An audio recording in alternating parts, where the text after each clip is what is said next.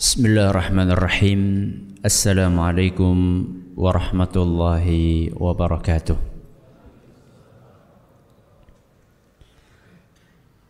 الحمد لله رب العالمين وبه نستعين على أمور الدنيا والدين وصلى الله على نبينا محمد وعلى آله وصحبه أجمعين أما بعد Kita panjatkan puja dan puji syukur kehadirat Allah Tabaraka wa Ta'ala.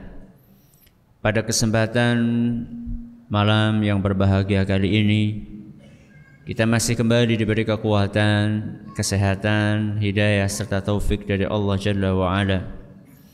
Sehingga kita bisa kembali menghadiri pengajian rutin tentang akhlak di Masjid Jenderal Sudirman Purwokerto ini kita berharap semoga Allah tabaraka wa taala berkenan untuk melimpahkan kepada kita semuanya ilmu yang bermanfaat sehingga bisa kita amalkan sebagai bekal untuk menghadap kepada Allah Jalla wa ala. Amin ya rabbal alamin. Salam dan salam semoga senantiasa tercurahkan kepada junjungan kita Nabi besar Muhammad sallallahu alaihi wasallam kepada para sahabatnya, keluarganya dan umatnya yang setia mengikuti tuntunannya hingga di akhir nanti. Para hadirin dan hadirat sekalian yang kami hormati dan juga segenap pendengar radio Insani 102.2 FM di Purwokerto, Purbalingga, Cilacap, Banjarnegara, Bumiayu dan sekitarnya para pendengar atau para pemirsa Yufi TV yang semoga senantiasa dirahmati oleh Allah Azza wa Jal. Sebagaimana yang telah kita sampaikan pada pertemuan terakhir kita, insya Allah mulai hari ini kita akan memasuki kajian tentang kitab yang ditulis oleh salah seorang ulama besar kita, salah seorang ulama madhab syafi'i, yaitu Imam Ibn Hajar Al-Asqalani di dalam kitab beliau Bulughul Maram. Dan kita akan mengkaji Kitabul Jami' kitab atau bab yang terakhir dari kitab yang mulia ini di mana di dalam bab terakhir itu beliau membawakan hadis-hadis tentang akhlak dan kita malam hari ini akan memulai pembahasan tentang hadis yang pertama yang beliau bawakan. Bagi yang sudah membawa kitab silahkan dibuka kitabnya dan bagi yang belum membawa kitab silahkan bisa melihat ke layar yang ada di hadapan jamaah sekalian. Saya akan bacakan hadis redaksi Arabnya, kemudian setelah itu saya bacakan terjemahannya baru insya Allah kita akan kaji kandungan yang ada di dalam hadis tersebut. Hadis itu berbunyi an Abi Hurairah radhiyallahu anhu qal qala Rasulullah sallallahu alaihi wasallam haqqul muslimi 'alal muslimi sittun idza laqitahu fasallim alaihi wa idza da'aka fa'ajibhu وإذا استنصحك فانصحه وإذا عطس فحمد الله فسمته وإذا مرض فعده وإذا مات فاتبعه رواه مسلم ini redaksi Arabnya adapun terjemahannya An Abi Hurairah radhiyallahu anhu qala Rasulullah sallallahu alaihi wasallam dari Abu Hurairah radhiyallahu anhu bahwasanya Nabi kita Muhammad sallallahu alaihi wasallam bersabda Hakul muslimi 'alal muslimi sittun. Haknya seorang muslim atas muslim yang lainnya ada berapa? Ada enam. Hak seorang muslim atas muslim yang lainnya ada enam Kemudian setelah beliau sallallahu alaihi wasallam menyebutkan secara global, lalu beliau menyebutkan secara rinci enam hak tersebut. Yang pertama kata beliau, "Idza laqitahu fasallim alaih." Yang pertama, kalau engkau bertemu dengan saudaramu sesama muslim, maka ucapkanlah apa? Salam. Ini hak yang pertama. Hak yang kedua, wa idza da'aka fa'ajibhu. Seandainya engkau diundang, maka penuhilah undangannya. Ini hak yang keberapa? Yang kedua. Yang ketiga, wa idza stansahaka fansahhu. Seandainya dia minta untuk dinasehati, maka nasihatilah. Ini yang ketiga. Yang keempat Rasulullah SAW mengatakan wa idza atasa fahamidallaha fasammithu. Seandainya saudaramu bersin kemudian dia mengucapkan alhamdulillah maka ucapkanlah engkau yarhamukallah. Kalau saudaramu bersin dan mengucapkan alhamdulillah Nanti kita akan jelaskan. Kalau dia nggak mengucapkan alhamdulillah gimana? Nanti kita akan jelaskan satu persatu insya Allah. Ini yang keberapa? Ini yang keempat. Yang kelima, wa idza marila fa'udhu. Seandainya saudaramu sakit maka jenguklah. Dan yang keenam, yang terakhir, wa idza mata fajba'hu. Kalau dia meninggal maka antarkanlah jenazahnya. Hadis riwayat Muslim. Hadis ini adalah salah satu hadis yang menjelaskan etika yang seyogianya ditunaikan oleh seorang muslim kepada saudaranya sesama muslim. Makanya beliau sallallahu alaihi wasallam mengawali hadisnya dengan kata-kata hakul muslim. Apa? Hak. Berarti sebelum kita berpanjang lebar menerangkan bagaimana cara salam, cara menyenguk orang sakit dan seterusnya, kita harus tahu terlebih dahulu hak itu artinya apa? Apa artinya hak? Hak kewajiban. Apa bedanya antara hak dengan kewajiban? Ada hak, ada kewajiban. Ya. Hak kata para ulama kita adalah sesuatu yang tidak seyogianya ditinggalkan. Sesuatu yang tidak seyogianya ditinggalkan alias sesuatu tersebut diperintahkan untuk ditunaikan. Itu arti dari hak. Jadi hakul hakul muslimi alal muslim haknya seorang muslim atas muslim yang lainnya maksudnya adalah seorang muslim harus menunaikan sesuatu tersebut. Wajib apa sunnah Ustaz? Wajib apa sunnah? Wajib apa sunnah Ya tergantung yang mana haknya. Ya, saudara kita sakit, wajib nggak dijenguk? Wajib nggak? Wajib. Berarti kalau nggak dijenguk dosa. Berarti dosa kita banyak dong. Kata para ulama kita, ada di antara hak-hak ini yang hukumnya wajib dan ada yang sunnah. Kita akan kita akan rinci insya Allah. Kita akan rinci insya Allah mana yang wajib, mana yang sunnah. Intinya sesuatu tersebut diperintahkan untuk ditunaikan. Apa hukumnya? Kadang wajib, kadang sunnah. Dan sunnah di sini bukan sunnah yang uh, sunnah yang ringan untuk ditinggalkan. Akan tetapi para ulama kita mengatakan sunnah di sini sunnah muakkadah, yakni sunnah yang sangat ditekankan untuk dilakukan. Mendekati wajib walaupun tidak wajib. Ini nanti kita akan bahas insya Allah taala. Beliau SAW mengatakan hakul muslimi alal muslim. Haknya muslim atas muslim yang lainnya.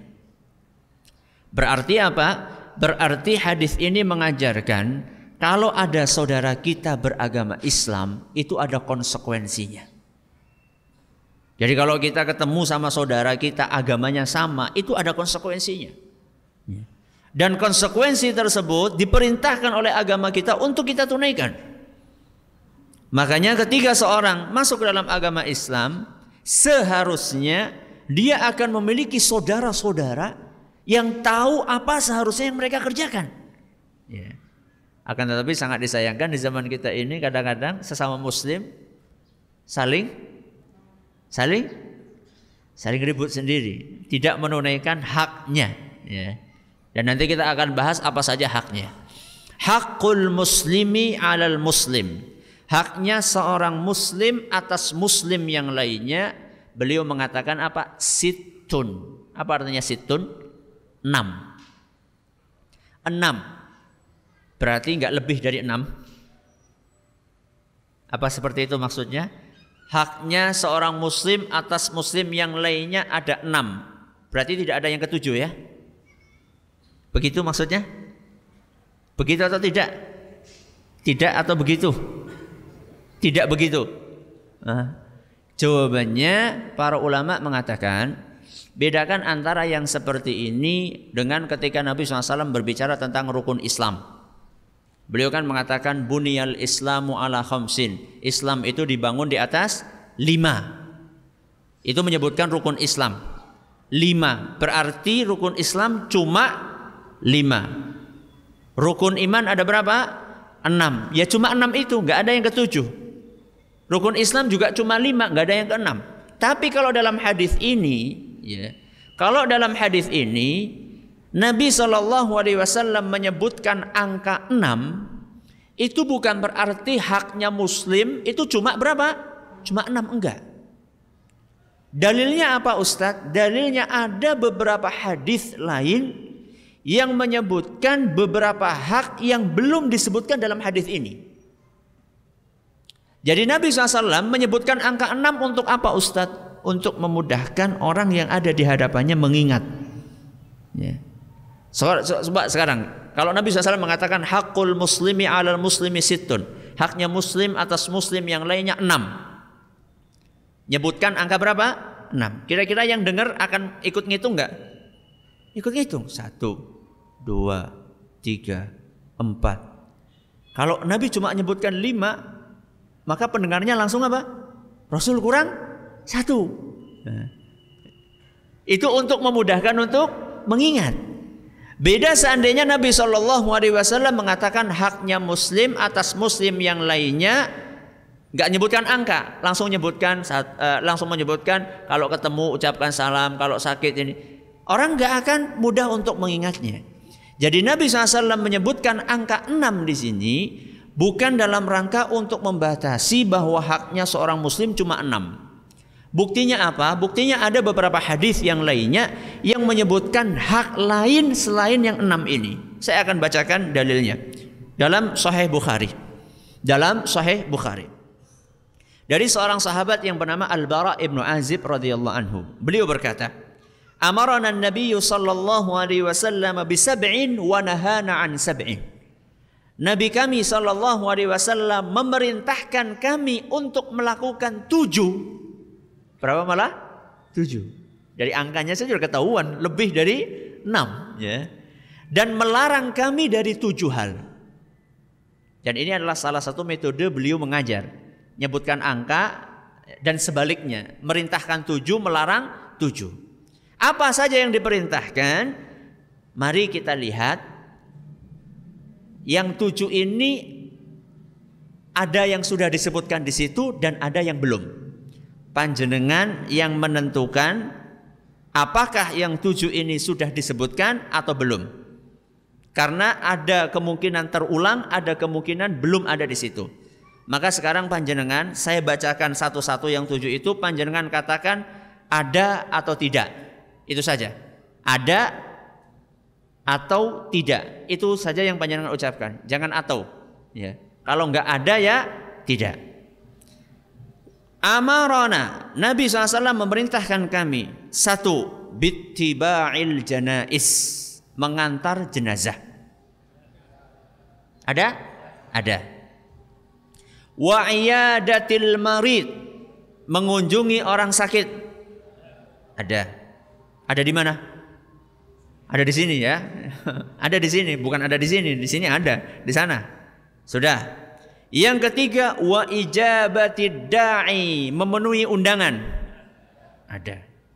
Wa nasril madlum, menolong orang yang dizolimi.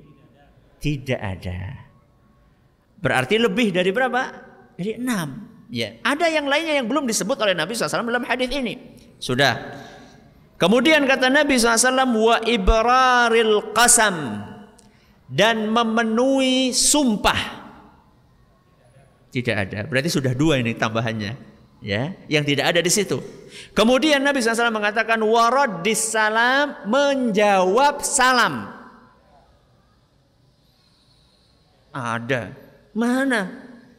Ada apa tidak ada? Lihat baik-baik. Ya, masa sih perlu kacamata? Itu udah udah saya besarkan kok. Mana mana coba menjawab salam mana menjawab salam? Bila engkau berjumpa, ucapkan salam. Ini buat mereka yang ketemu. Di dalam hadis ini bukan bicara tentang mengucapkan salam. Di dalam hadis ini berbicara tentang menjawab salam. Berarti sudah berapa? Sudah tiga yang nggak ada di sini. Dan yang terakhir kata Nabi SAW buat tashmitil atis mendoakan orang yang bersin. Ada? Ada. Dari satu hadis ini saja kita sudah bisa mengambil kesimpulan bahwa hak seorang muslim itu bukan cuma enam, masih banyak yang lainnya. Cuma Nabi kita Muhammad Sallallahu Alaihi Wasallam menyebutkan enam, ya, menyebutkan enam ini dalam rangka untuk memudahkan mengingat dalam rangka memudahkan untuk mengingat. Kita akan awali dari hak yang pertama. Kalau engkau bertemu dengan saudaramu maka ucapkanlah apa? Salam. Pertama, hadis ini menganjurkan kita kalau ketemu yang namanya orang ketemu berarti kan sebelumnya sebelumnya nggak ketemu. Ya iyalah namanya ketemu ya sebelumnya nggak ketemu. Yang diperintahkan oleh Nabi kalau ketemu ucap salam itu setelah nggak ketemu berapa hari? Berapa hari? Jadi kita ketemu sama saudara kita sebelumnya nggak ketemu. Kita disuruh salam kalau ketemu sama saudara kita yang sebelumnya nggak ketemu sudah berapa hari? Sebulan? Apa seminggu? Gak disebutkan. Berarti saben ketemu salam gitu. Benar ini. Contoh nih panjenengan ya. Sekarang ketemu kan? Tadi kan begitu masuk masjid ketemu. Assalamualaikum. Salam nggak tadi? Temenan. Salam nggak tadi? Salam. Habis ini ya tengah-tengah seperti ini mungkin ada yang tertarik melihat karnaval ya nek wis gede ya kebangetan lah. Nek bocah cilik ya member. Kemudian setelah panjenengan keluar sana, lihat karnaval terus balik lagi. Duduk lagi di samping teman yang tadi sudah disalami ketika sebelum maghrib. Perlu salam lagi nggak? Perlu salam lagi nggak? Perlu. Masa? Tadi kan udah salam. Makanya saya tanya tadi. Jadi kita ini diperintahkan oleh Nabi kalau bertemu dengan saudaramu ucapkanlah salam.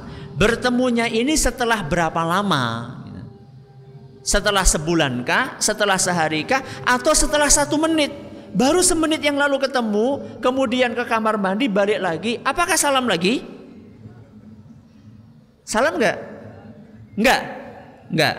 Jawabannya salam. Kenapa Ustadz? Karena Nabi kita Shallallahu Alaihi Wasallam memerintahkan itu. Ya. Di dalam sebuah hadis yang diriwayatkan oleh Imam Abu Dawud dan hadis ini dinyatakan sahih oleh Syekh Al Albani, Nabi kita Shallallahu Alaihi Wasallam bersabda, "Idza laqiya ahadukum akhahu falyusallim alaih." Seandainya salah satu di antara kalian ketemu dengan saudaranya, hendaklah dia mengucapkan salam. Ini gak ada masalah. Ketemu salam. Fa in halat bainahuma syajaratun au jidarun au hajarun Seandainya kemudian antara engkau dan saudaramu terhalang tembok atau terhalang pohon atau terhalang batu ini sesuatu yang ada saat itu ya sekarang terhalang mobil ya misalnya ketemu ya kemudian setelah itu ada mobil misalnya kita uh, ketemu sama teman kita di seberang jalan. Assalamualaikum, waalaikumsalam lewat mobil. Ber. Salam lagi. Kalau berdasarkan hadis ini iya. Iya. Dan tidak harus. Nah, akan tetapi sangat di, dianjurkan. Kemudian terhalang kata Nabi SAW terhalang pohon atau tembok atau batu, thumma laqiyahu falyusallim alaih. Kemudian dia ketemu lagi dengan saudaranya, maka hendaklah dia mengucapkan salam lagi. Berarti berapa menit? Berapa detik? Iya, yeah, berapa detik? Jadi kita cuma sekedar misalnya ya tadi kayak tadi keluar sebentar masuk lagi, dianjurkan untuk salam lagi. Walaupun hukumnya tidak wajib sebagaimana yang tadi kita akan jelaskan. Ya. Jadi Nabi kita Wasallam dalam hadis ini tidak membatasi waktu perpisahan. Pokoknya kalau ketemu dengan saudaramu ucapkan salam. Kalau ketemu dengan saudaramu ucapkan salam. Dan yang seperti ini itulah nikmat. Bukan mempersulit. Sebagian orang memandangnya, John, angel temen sih. Titik-titik salam, titik-titik salam. Subhanallah. Coba kita berpikir secara positif, ya. Kita positive thinking. Coba sekarang, salam itu ibadah atau bukan? Ibadah. Dapat pahala enggak? Dapat pahala. Semakin kita sering mengucapkan salam, berarti pahala kita semakin banyak. Inilah kalau orang berpikirnya positif. Tapi kalau orang berpikirnya negatif, maka dia akan mengatakan titik-titik salam, titik-titik salam. Subhanallah, kita ini dapat pahala. Setiap salam kita dapat pahala dan nanti kita akan jelaskan apa pahalanya, kemudian apa keutamaannya. Insya Allah kita akan jelaskan. Jadi kembali kepada masalah tadi bahwa kita diperintahkan untuk mengucapkan salam kepada saudara kita walaupun baru ketemu dan hanya terhalang kata Nabi apa tadi? Pohon atau batu atau uh, atau pohon batu dinding ya dinding. Dan di zaman kita tentunya bukan hanya itu saja, banyak ada pohon, ada kereta, ada mobil, ada macam-macam lah. Ya, ada macam-macam yang menghalangi dua orang tersebut. Dan adab inilah yang dipraktekkan oleh para sahabat Nabi SAW kepada beliau dan sesama mereka. Saya akan bawakan contoh praktek nyatanya. Dalam hadis riwayat Bukhari dan Muslim. Hadis ini diceritakan oleh Abu Hurairah radhiyallahu anhu. Kata beliau, "Anna rajulan dakhala al-masjid wa Rasulullah sallallahu alaihi wasallam jalisun fi nahiyatil masjid." Pada suatu hari ada seorang laki-laki masuk ke masjid. Dan saat itu Nabi SAW sedang duduk di salah satu sudut masjid. Masuk ke masjid, Nabi lagi duduk di situ. Fasalla thumma ja'a fasallama alaih. Maka kemudian laki-laki itu begitu masuk masjid salat Sholat apa? Tahiyatul masjid. Setelah sholat, laki-laki itu datang menemui Nabi Shallallahu Alaihi Wasallam, fasallam alaihi lalu mengucapkan salam. Assalamualaikum ya Rasulullah. Faqala lahu Rasulullah SAW Maka Nabi SAW pun berkata Waalaikumsalam Irji fasalli fa innaka lam tusalli Wahai fulan Balik lagi kamu ke sana Ulangi sholat kamu kamu tadi belum sholat. Kamu tadi belum sholat. Padahal dia merasa sudah apa? Sholat, sudah sholat ya. Ya sholat menurut dia gitu loh. Sudah sholat. Ucapkan salam, Nabi balas. Waalaikumsalam. Kemudian Nabi SAW menyuruh dia, ayo kembali lagi. Silahkan, sholat lagi. Kamu tadi belum sholat. Maka orang tadi pun balik ke tempat yang sama, kemudian sholat lagi. Setelah sholat, beliau datang lagi dan mengucapkan kepada Nabi, Assalamualaikum. Lihat, Padahal cuma dikasih jarak apa? Sholat. Ya. Setelah balik, setelah sholat, ketemu Nabi SAW lagi dan beliau mengucapkan Assalamualaikum. Dan Nabi SAW menjawab lagi, Waalaikumsalam. Nabi tidak mengatakan, Bok mau nabi salam, salam maning. Enggak. Enggak seperti sebagian orang di zaman kita, bolak-balik salam, mana apa sih? Nyari pahala. Ya. Laki-laki tadi mengucapkan salam lagi sama Nabi SAW. Dan Nabi menjawab salam. Dan setelah Nabi SAW menjawab salam, Nabi berkata lagi, balik lagi kamu. Kamu tadi belum sholat, ulangi lagi sholatmu. Nabi gak kenal bahasa basi. Tidak kenal bahasa basi dalam arti kalau orang tadi keliru ya oleh Nabi dikatakan keliru. Walaupun Nabi tetap menjawab salamnya. Dan kejadian ini terulang tiga kali dalam beberapa riwayat. Jadi berapa kali orang tadi salam? Tiga kali. Sekali ketemu salam tiga kali. Karena dibatasi ya diselingi dengan sholat. Bayangkan sholat. Setelah itu salam lagi.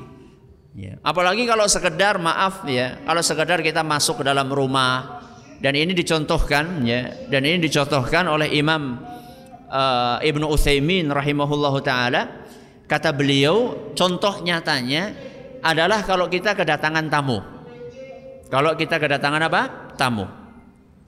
Kalau kita kedatangan tamu, tamunya mendadak, mestinya kan begitu kita persilahkan untuk duduk, kita masuk, bikin apa? Bikin minum, bikin kopi, bikin teh. Setelah itu kita keluarkan. Kata Syekh bin Utsaimin, hendaknya begitu keluar salam lagi. Ya.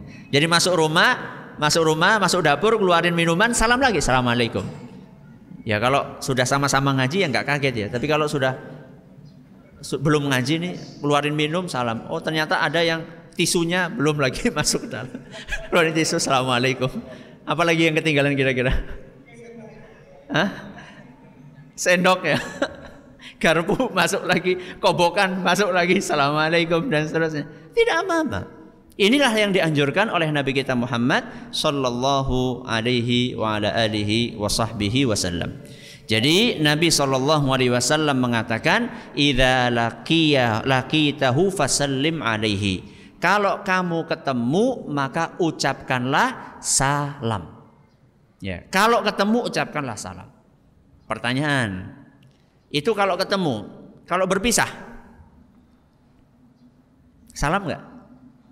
Nih sekarang ya, antum kan masuk ke masjid, ya, ketemu sama temennya, assalamualaikum, waalaikumsalam. Setelah selesai pengajian, masing-masing akan pulang. Ketika akan pulang tadi, ucap salam lagi apa enggak? Salam enggak? Benar, dalilnya apa? Jawabannya iya.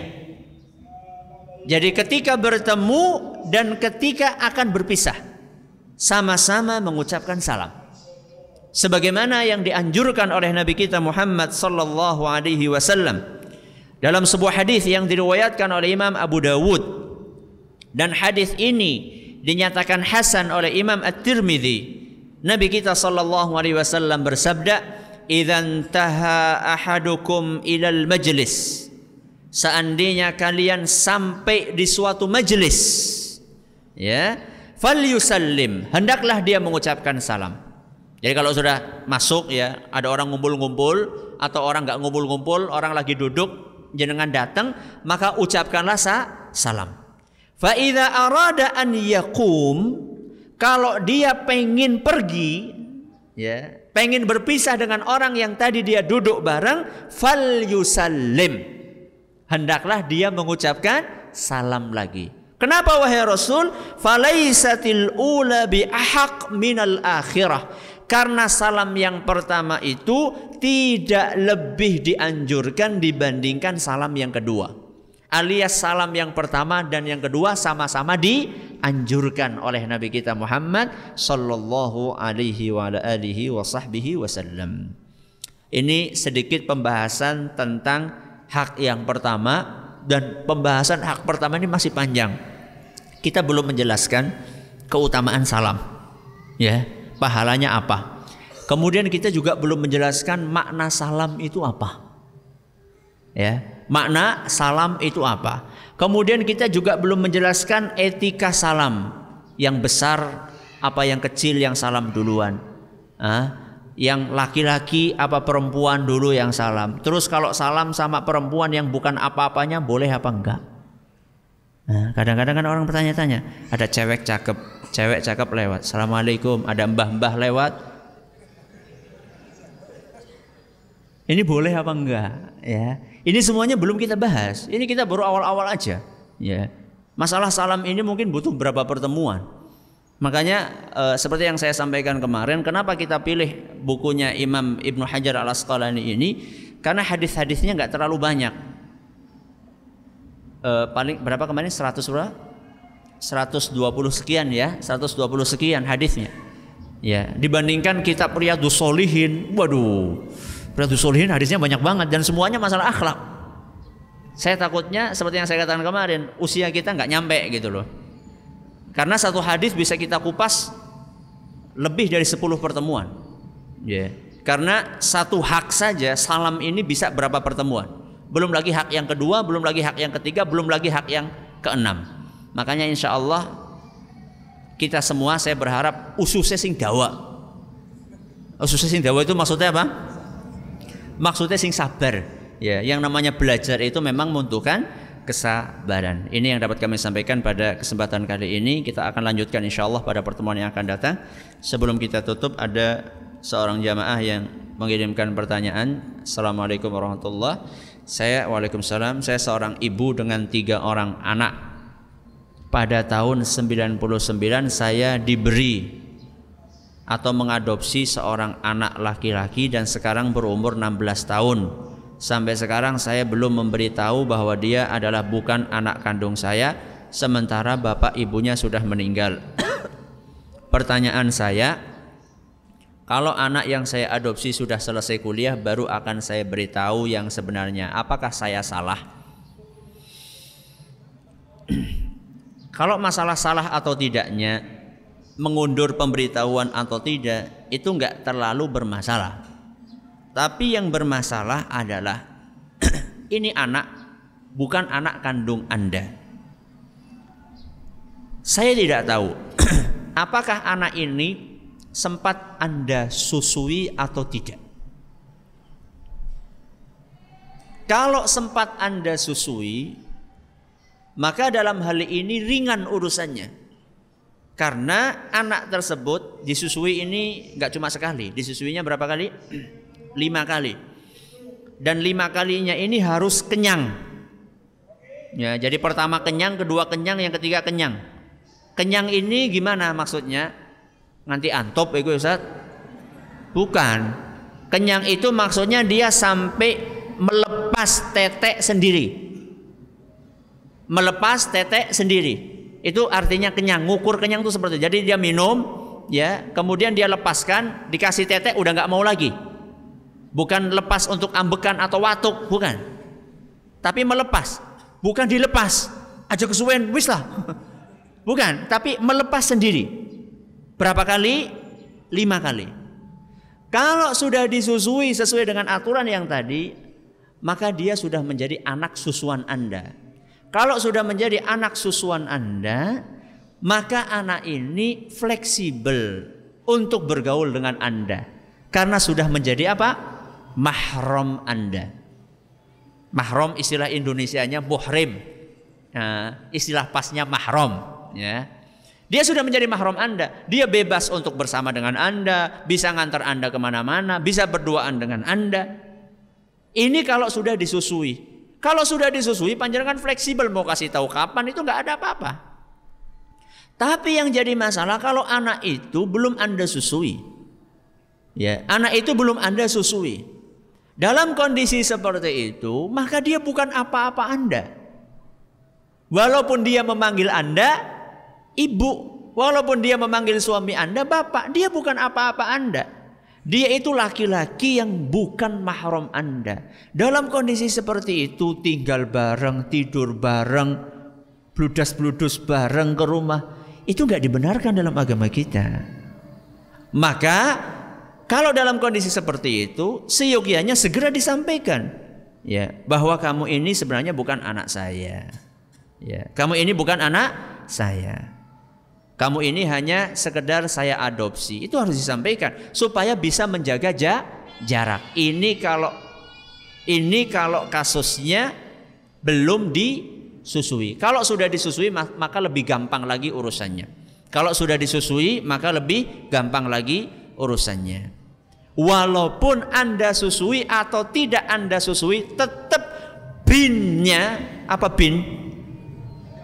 Fulan bin fulan. Binnya, nasabnya tetap harus kepada orang tua aslinya. Bukan bukan pindah kepada Anda. Ya bin, ya fulan bin siapa? Tetap kepada orang tua aslinya. Nabi kita SAW pernah ditegur oleh Allah dalam masalah ini. Ketika beliau mengadopsi seorang yang bernama siapa?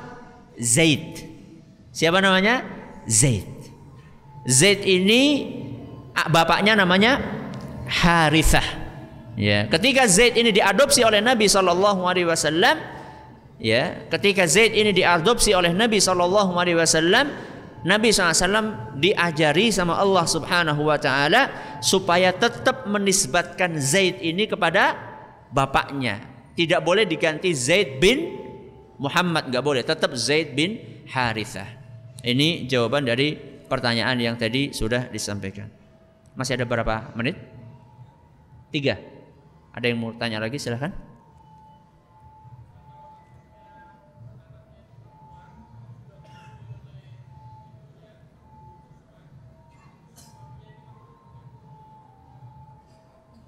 Iya. Jadi kasusnya kalau misalnya yang disusui adalah anak perempuan, ya, anak perempuan disusui sama ibu angkatnya, ya, maka anak ini menjadi mahram dari suami ibu tersebut. Ya, menjadi mahram buat suami ibu tersebut. Seperti itu, ya. Karena e, nanti akan merembet, ya, akan merembet termasuk akan menjadi mahram buat anak asli dari ibu tadi. Ya, anak asli dari ibu tadi. Makanya mahra, uh, uh, celah ini, celah persusuan ini membantu, sangat membantu untuk memudahkan ya, memudahkan urusan hubungan antar keluarga, ya. Karena dengan seperti itu kan jadi gampang urusannya. Jadi bisa bareng per, pergi ke mana, bisa jadi mahram, bisa jadi nemani bepergian dan seterusnya. Cuman juga kadang-kadang jadi sulit juga, apalagi kalau misalnya yang nyusui ini nggak ketahuan. Makanya para ulama menyebutkan bagaimana seandainya ada seorang wanita, ya, ada seorang wanita pernah nyusu di suatu kampung. Ya, pernah nyusu di suatu kampung dan tidak ketahuan siapa yang nyusui. Bolehkah laki-laki datang ke kampung itu, laki-laki asli kampung itu menikah dengan wanita tersebut? Ya. Karena bisa jadi laki-laki ini nyusu sama ya ibu dia atau sama bibi dia. Ya. Maka dalam kondisi seperti itu sebagian ulama mengatakan tidak boleh. Karena dikhawatirkan nanti dia menikah dengan saudari sesusuannya. Jadi di satu sisi memudahkan, tapi di sisi lain juga ada resikonya. Ya, ada yang lain silakan.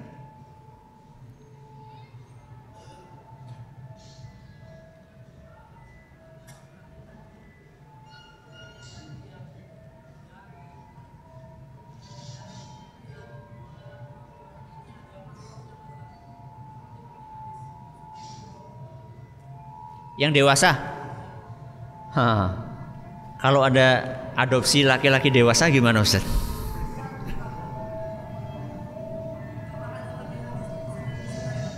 Iya. Kalau ada laki-laki dewasa gimana Ustaz? Adopsi laki-laki usia 12 tahun atau laki-laki usia 17 tahun diadopsi. Sedangkan yang mengadopsi ini masih keluar air susunya. Apakah bisa Ustaz dijadikan sebagai mahram? Ada sebuah hadis yang terkenal dengan hadis Ummu Sulaim. Ada sebuah hadis terkenal dengan hadis Ummu Sulaim. Ya, hadis ini menyebutkan kasus yang mirip kayak tadi. Jadi ada seorang sahabiyah, ya ada seorang sahabiyah wanita pada zaman Nabi SAW yang e, mengangkat anak dan anaknya sudah besar. Akhirnya repot kan, karena dia perlu masuk ya atau saya lupa ngangkat anak atau ngangkat pembantu gitu loh. Kan dia perlu supaya gampang masuk-masuk blodas-blodos gitu loh. Akhirnya konsultasi kepada Nabi kita Muhammad SAW. Lalu Nabi SAW menganjurkan supaya disusui saja anak tersebut. Asosiasinya jangan yang enggak-enggak. Disusui itu bukan berarti langsung nyusu, tapi diperes susunya. Ya, sekarang kan ada alat-alat untuk apa?